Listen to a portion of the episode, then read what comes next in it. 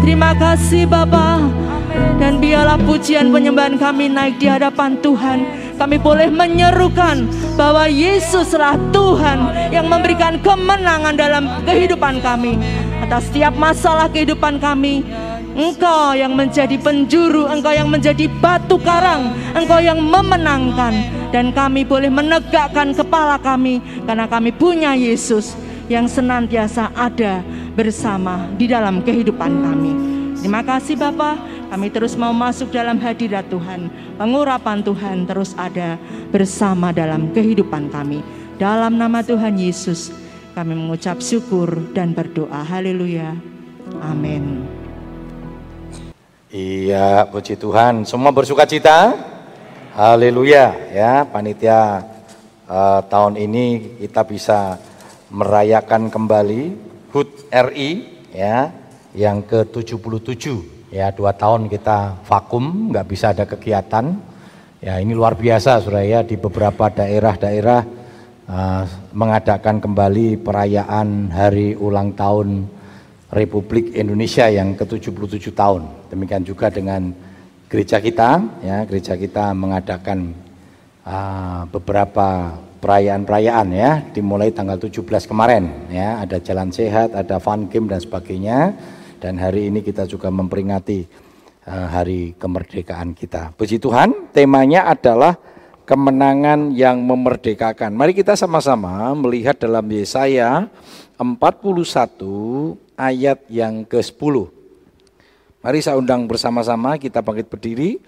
Kita akan baca ayat ini ya. Yesaya 41 ayat yang ke-10. Ya. Dua, tiga. Janganlah takut sebab aku menyertai engkau. Janganlah bimbang sebab aku ini Allahmu. Aku akan meneguhkan bahkan akan menolong engkau. Aku akan memegang engkau dengan tangan kananku yang membawa kemenangan. Puji Tuhan. Silakan duduk. Firman Tuhan pada pagi yang indah ini diawali dengan sebuah statement satu pernyataan jangan takut.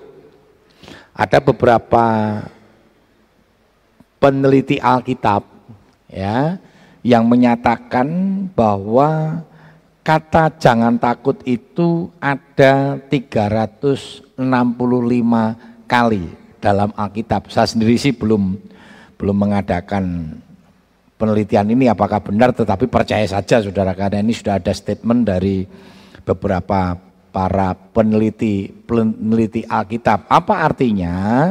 Berarti kita ini dibekali dengan firman Tuhan ya 365 hari bicara satu tahun ya jadi setiap hari kita dibekali dengan firman Tuhan, jangan takut. Nah, hari ini firman Tuhan juga mengingatkan kepada kita untuk kita tidak boleh takut. Kenapa?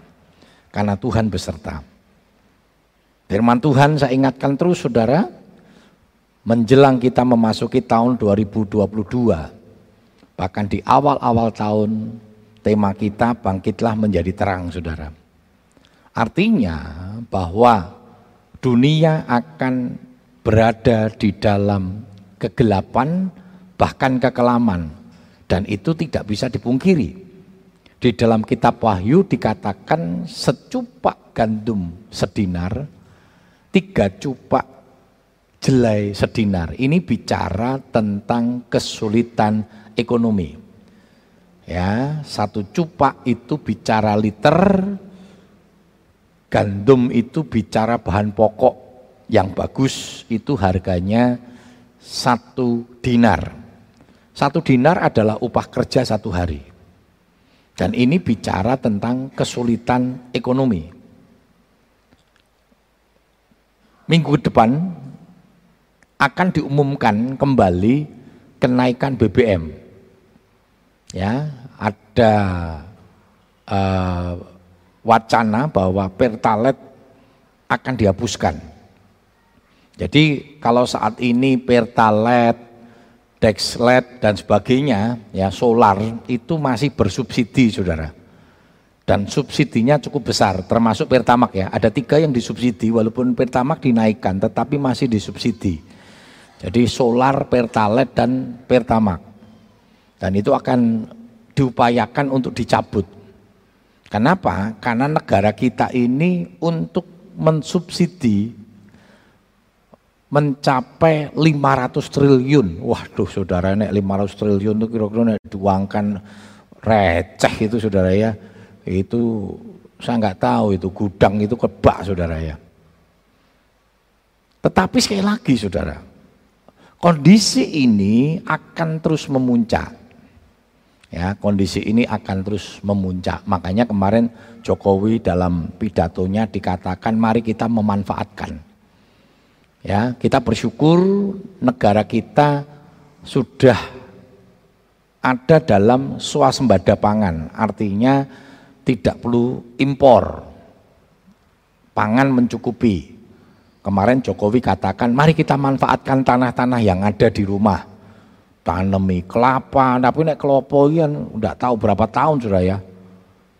Tanami sayur-sayuran, minimal sayuran-sayuran rasa beli.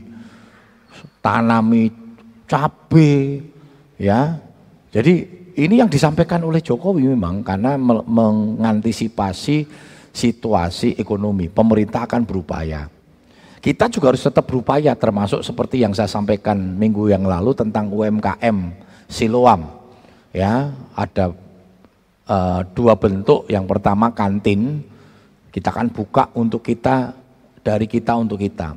Lalu ada WA group dan Telegram ya yang sudah mulai di, dilakukan minggu-minggu ini.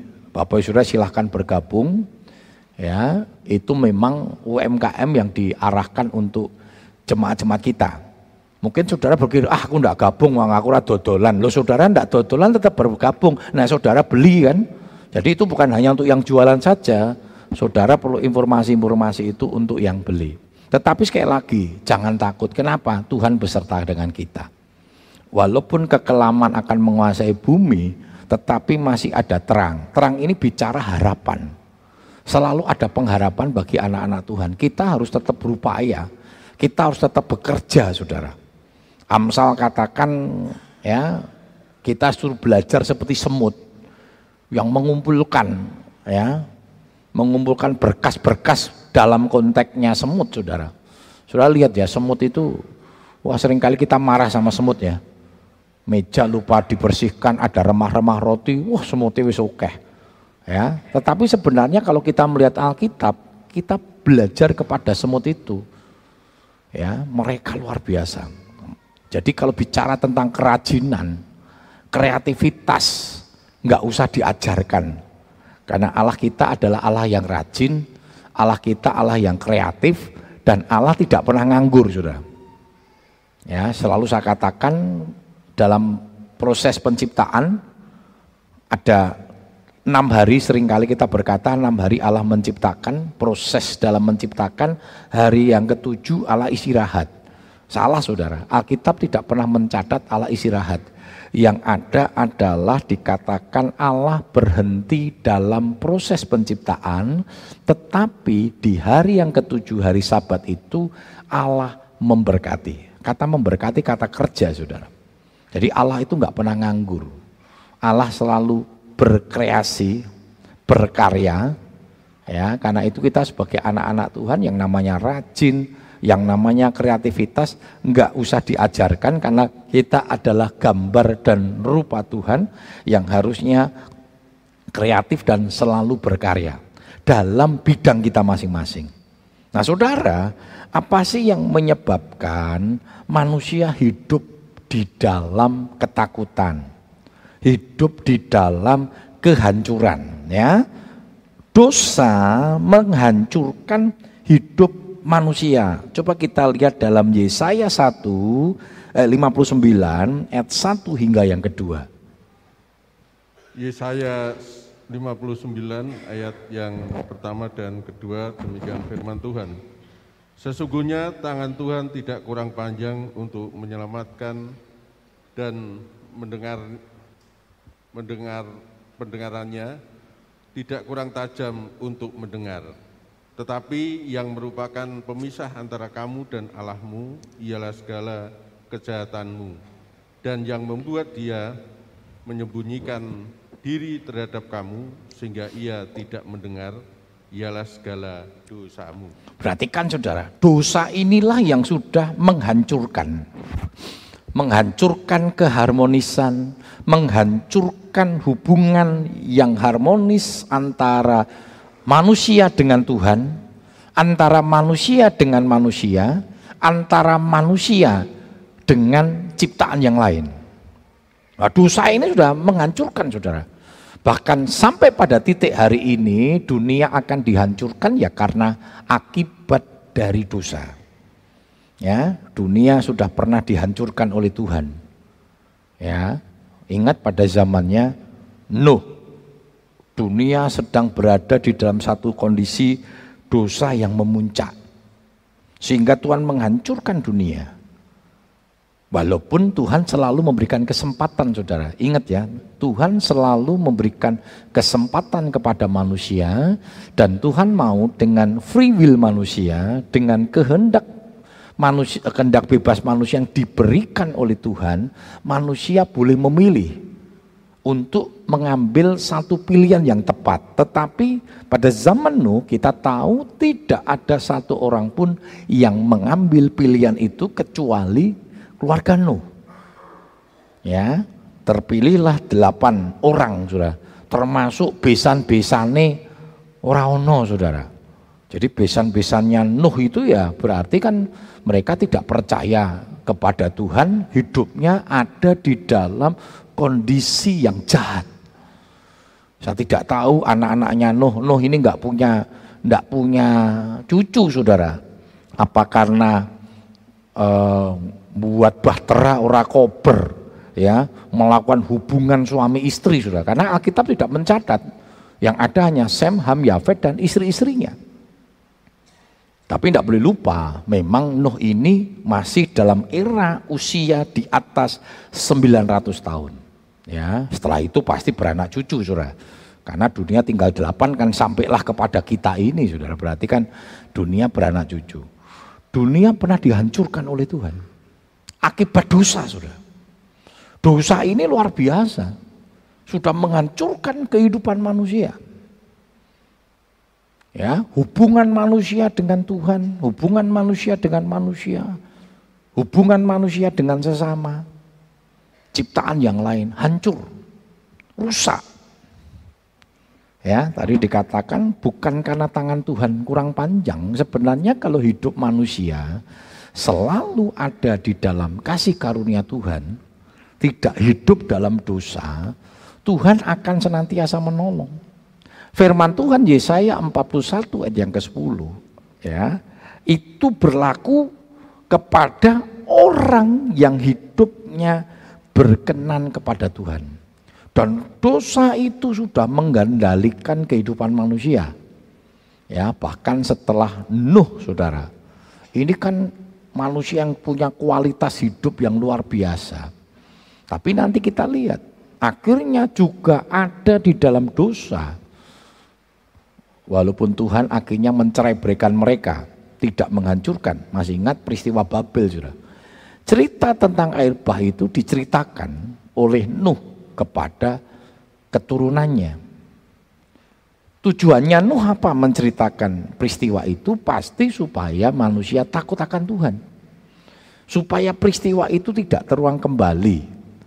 Walaupun tidak lagi dalam hubungan hukuman air bah. Karena Tuhan tidak lagi memberikan hukuman air bah ya. Ketika Nuh mempersembahkan korban, ya Tuhan memberikan tanda pelangi. Nah pelangi itu mengingatkan kepada Tuhan bahwa Tuhan tidak akan menghukum manusia dengan air bah. Tetapi ketika manusia keturunan dari Nuh itu mendengar sejarah tentang kehidupan nenek moyang mereka yang bermuara kepada dosa yang memuncak, lalu dihukumlah dunia ini, pikiran mereka tidak berpikir kepada hal yang positif Harusnya kan berpikir, wah kita jangan berbuat dosa. Tetapi mereka berpikir dengan konteks yang negatif. Mereka berkata demikian, oh kalau begitu kita siap-siap. Siap-siap kalau Allah menghukum dengan air bah. Mari kita bangun menara yang menjulang sampai ke langit. Terus dibangun, dibangun, dibangun. Jadi persoalannya kan dulu nggak ngerti. Kalau sekarang ada air bah naik aja ke atas. Mereka tidak eh, mereka tidak ngerti bahwa Tuhan berkata tidak akan menghukum dengan Eba lagi. Dengan membangunnya menara Babel sama saja mereka siap berbuat dosa. Ya kan? Karena kan konsekuensi dari dosa mereka siapkan. Harusnya kan berpikirnya terbalik saudara. Jangan berbuat dosa. Supaya kita tidak menikmati konsekuensi dari dosa. Itu yang harus kita lakukan, itu yang harus kita kerjakan. Dosa tidak pernah bisa ditutupi. Hari-hari ini kita sedang diperhadapkan dengan satu peristiwa nasional, walaupun sebenarnya itu peristiwa yang biasa. Tetapi karena yang melakukan itu kepolisian, saya kira percaya bahwa saudara nikmati gitu.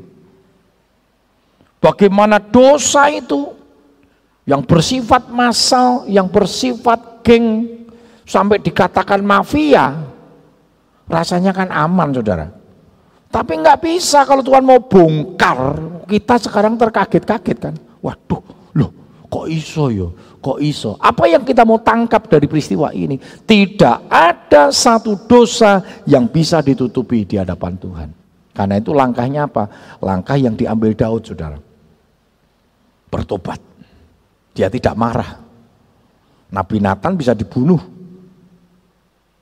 oleh Daud saudara. Dia punya otoritas dan Nabi Nathan ini bukan nabi yang besar, nabi kecil. Kok wani-wani ini negur Daud? Yang pada waktu itu punya otoritas yang besar, punya kekuatan yang besar. Tapi bedanya Nabi uh, Raja Daud saudara, dia tidak tutupi dosa. Dia bertobat, dia minta ampun. Makanya Daud sampai hari ini saudara, konklusi Tuhan terhadap Daud apa dikatakan? Daud itu adalah orang yang melakukan kehendak Tuhan. Jadi kita bersyukur saudara. Tuhan selalu memberikan kesempatan. Tuhan selalu memberikan solusi kepada manusia ketika dia berbuat dosa. Ada solusi karena kerinduan Tuhan. Manusia itu diselamatkan saudara. Yohanes 3:16 ya. Karena begitu besar kasih Allah akan dunia ini sehingga ia mengaruniakan anaknya yang tunggal. Ini bicara kesempatan.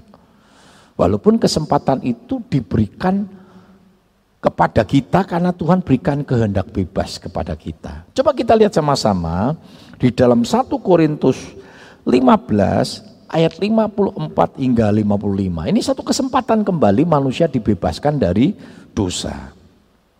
1 Korintus 15 ayat yang ke-54 dan ke-55 demikian firman Tuhan. Dan sesudah yang dapat binasa ini mengenakan yang tidak dapat binasa dan yang dapat mati ini mengenakan yang tidak dapat mati, maka akan genaplah firman Tuhan yang tertulis, maut telah ditelan dalam kemenangan. Hei maut, di manakah kemenanganmu?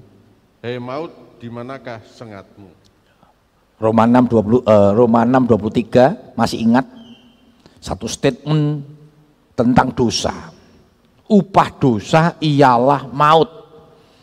Dan Roma 6 uh, Roma 3 23 dikatakan semua manusia telah kehilangan kemuliaan Allah.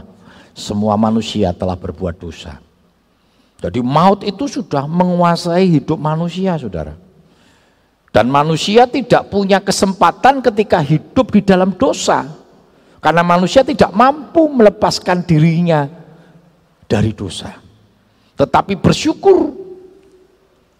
Nanti ayat 58 dikatakan syukur kepada tetapi syukur kepada Tuhan. Bahwa Tuhan telah memberikan kemenangan kepada kita. Maka dikatakan, hei mau di mana sangatmu. Saudara, Allah tidak pernah berurusan, Tuhan tidak pernah berurusan dengan iblis. Jadi yang membelenggu kita bukan iblis saudara. yang membelenggu kita dosa. Iblislah yang membuat kita terbelenggu dengan dosa dengan pencobaan-pencobaannya. Iblis mau dia mencobai kita supaya dengan kehendak bebas kita, kita jatuh dalam dosa. Jadi jangan lupa saudara. Iblis tidak punya otoritas atas hidup kita. Ketika saudara mengambil pilihan untuk melawan iblis dengan kekuatan Tuhan. Jadi jangan pernah menyalahkan iblis. Jangan pernah mengkambing hitamkan iblis. Rasa dikambing hitamkan iblis wis ireng saudara. Nah kita selalu menggambarkan iblis kan hitam. Siapa yang bilang? Wah kitab Korintus katakan iblis itu menyamar seperti malaikat perang. Pinter saudara. Zaman Demben kan, uh, nek film-film Dracula, ya, Dracula film-film kuno itu selalu takut dengan tanda salib. Uh, sapu mbek sapu ditemuke kayak salib wedi. Uh, Dracula ini wedi, Saudara. Sekarang Dracula ini pintar, Saudara. Dikai lambang salib, uh, pertama pura-pura takut terus ngekek. Siapa yang takut kuno katanya. Dracula setan orang wedi mbek tanda salib. Tapi setan takut dengan yang namanya kuasa salib itu. Ketika hidup kita tidak ada di dalam dosa, maka lawan iblis, maka dia akan lari dikatakan. Lari. Jadi jangan pernah berkata saudara dikalahkan oleh iblis karena saudara nggak punya kemampuan. Siapa bilang? Siapa bilang? Tuhan sudah memberikan kuasa. Yohanes 1 ayat 12, eksosia. Artinya apa?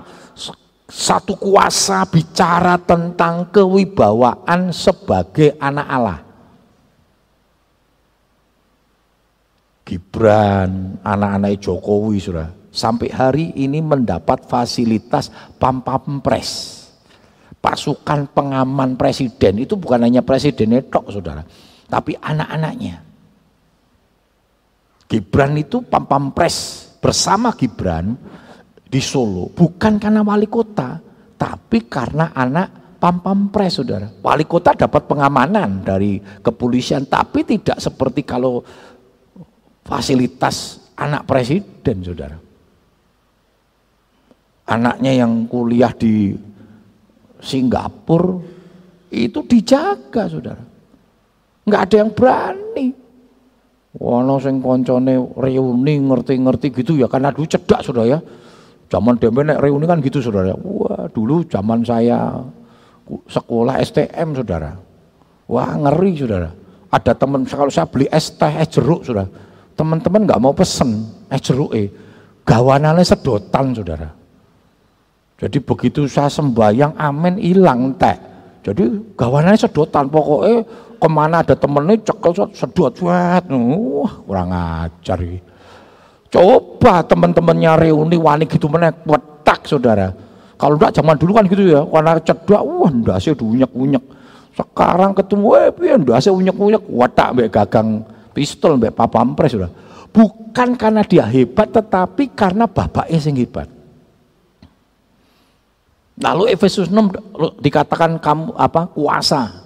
Hendaklah kamu hidup dalam kuat kuasa Tuhan. Itu bicara Kratos.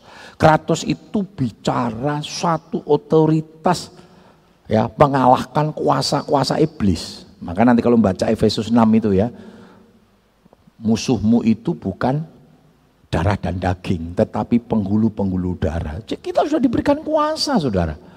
Lalu kalau bicara kisah 1 8 ya, itu bicara tentang kemampuan untuk mengadakan mujizat. Ya, dunamis. Jadi iblis tidak pernah bisa mengalahkan kita. Tuhan kasih otoritas sama kita. Kuncinya apa? Percaya. Jadi Tuhan kasih free will sama kita. Ketika engkau percaya hidup di dalam kasih Tuhan, maka engkau akan menerima kuasa, termasuk di dalamnya kuasa untuk mengalahkan iblis. Makanya jangan takut saudara. Kada orang yang dirasuk setan beberapa kali ada yang datang ke pastori karena dirasuk setan saudara. Bermain-main dengan kuasa gelap. Nah ini bodoh saudara. Setan no dijak ke kancan. Jangan pernah kekancan dengan setan saudara. Ya, ada berapa kali datang ke pastori pas saya keluar saudara. Eh kok yo staff-staff iki diajak ngomong orang langsung ditengking saudara. Ngenteni Om Agus. Jadi selama saya belum datang berat berat berat berat. Lu saudara tidak hanya karena gembala, bukan hanya karena pendeta. Saudara punya otoritas. Amin. Saya melayani Tuhan izinkan pelayanan itu sejak saya SMA, saudara. Kami punya tim namanya tim Dulos. Melayani orang-orang kerasukan setan nggak tahu pada waktu. Karena di Solo itu sudah permainan kelenak-kelenik itu, waduh luar biasa sudah. Dan jangan lupa sudah, jangan pernah bermain, jangan pernah berkolaborasi, berteman dengan setan. Setan bisa kasih kita materi sangat mudah. Masih ingat ketika Yesus disuruh nyembah nanti akan diberikan harta seluruh kekayaan dunia setan bisa saudara. Saudara pergi ke Gunung Kawi jaluk kesugihan ada. Makanya ada istilah pesugihan. Tapi jangan lupa nggak ada yang gratis saudara. Setan selalu minta tumbal. Di Solo banyak saudara. Tumbal-tumbal karena pesugihan. Banyak. Banyak. Itu jahat saudara. Kalau engkau sebagai orang tua hanya untuk pesugihan kau tumbalkan anakmu jahat. Dan pesugihanmu tidak akan membawa damai sejahtera. Biarkan harta benda itu datangnya karena Tuhan memberkati kita dan nikmati apa yang menjadi bagianmu. Itu doanya Salomo. Maka Salomo tidak pernah minta kaya, tapi Salomo juga tidak minta miskin. Yang diminta Salomo adalah apa yang menjadi bagian kita. Saudara, karena itu setelah kita dimerdekakan, jangan tinggalkan atau sia-siakan kasih karunia. 2 Korintus 6 ayat yang pertama. 2 Korintus 6 ayat yang pertama, demikian firman Tuhan. Sebagai teman-teman sekerja, kami menasihatkan kamu supaya kamu jangan membuat menjadi sia sia-sia kasih karunia Allah yang telah kamu terima. Jangan sia-siakan kasih karunia Tuhan untuk hidup ber, berbuat dosa lagi. Jangan. Kematiannya sudah memerdekakan kita. Maut sudah ditelan. Konsekuensi dosa itu sudah dihancurkan oleh Tuhan. Dengan cara ketika engkau percaya kepada Tuhan. Karena itu jangan sia-siakan lagi. Wis dibebaskan. Sudah dilepaskan. Makanya kalau orang di penjara saudara kepala kalapas kalapas itu kalau dilepaskan itu biasa disalami. Ojo balik meneh yo.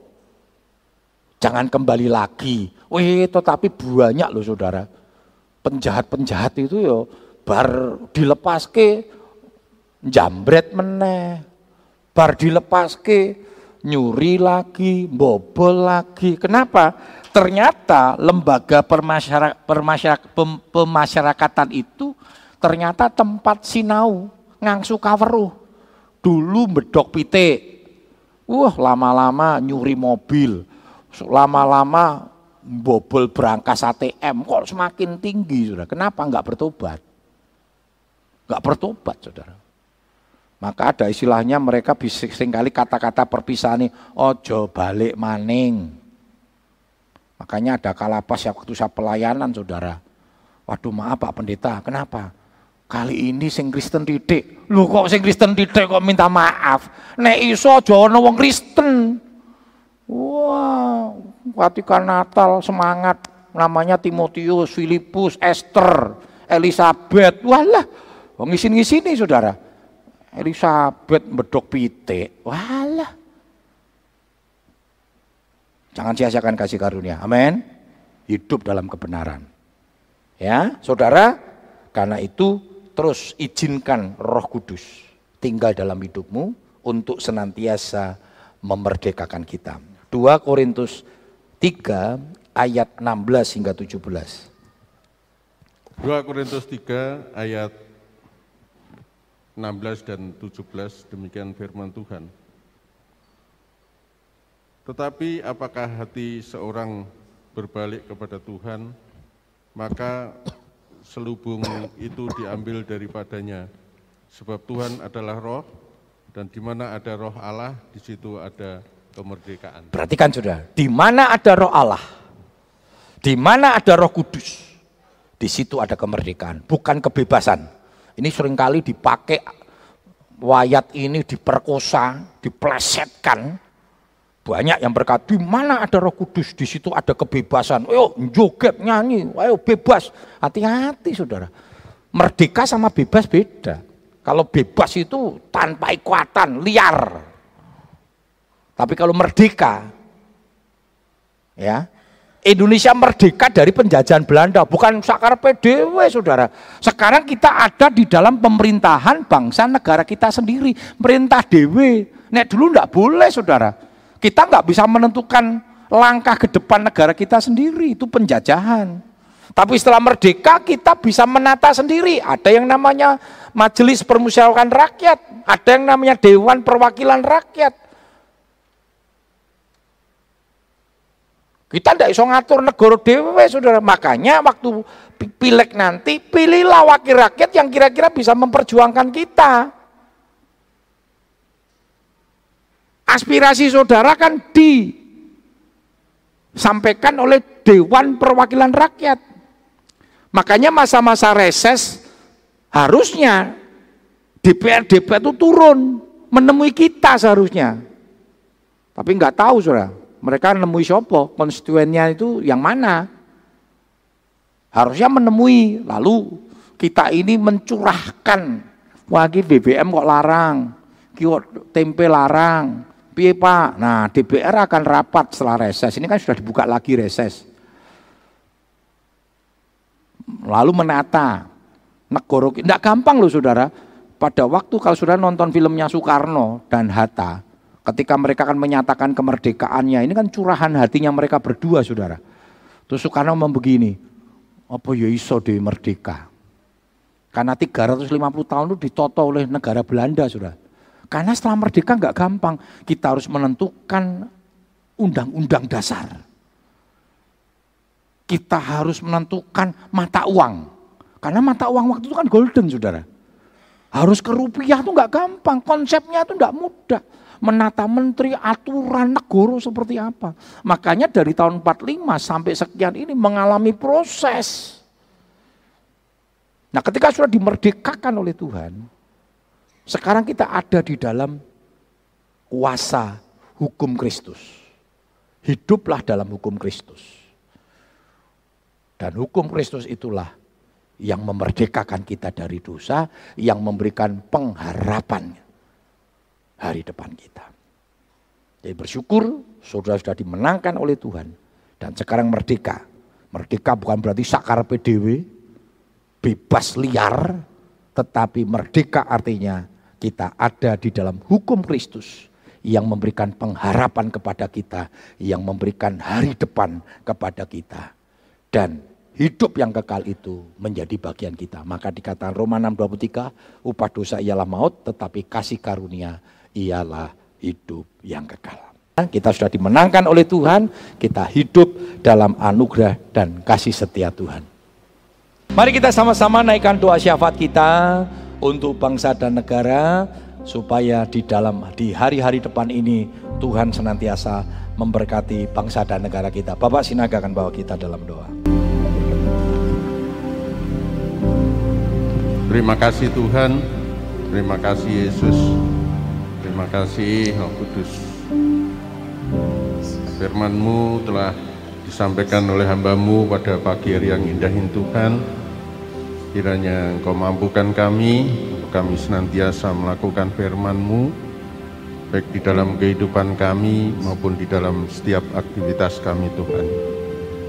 Hambamu yang telah menyampaikan firmanmu Tuhan, kiranya Engkau senantiasa beri kekuatan, kesehatan yang daripada Tuhan keluarganya engkau berkati pada pagi hari yang indah Tuhan kami berdoa untuk bangsa dan negara kami Indonesia Tuhan yang telah engkau berikan kemenangan kemerdekaan ke-77 Kami percaya Tuhan senantiasa campur tangan di dalam setiap program-program yang ada di negara kami Tuhan. Kami juga berdoa untuk para pemimpin negara ini baik Bapak Presiden, Wakil Presiden dan kabinetnya Tuhan. Kami percaya Tuhan senantiasa memberi kemampuan, kekuatan, hikmat dan kebijaksanaan yang daripada Tuhan sehingga apa yang beliau kerjakan kami percaya untuk memuliakan kau serta kesejahteraan rakyat Indonesia Tuhan. Tak lupa kami juga berdoa untuk kota Salatiga Tuhan, kiranya Tuhan berkati di dalam masyarakatnya baik pemimpinnya Tuhan, kiranya Tuhan senantiasa memberkati. Terima kasih Tuhan, terima kasih Yesus. Segala puji, hormat, dan kemuliaan kami kembalikan dalam nama Tuhan kami Yesus Kristus. Haleluya, amin.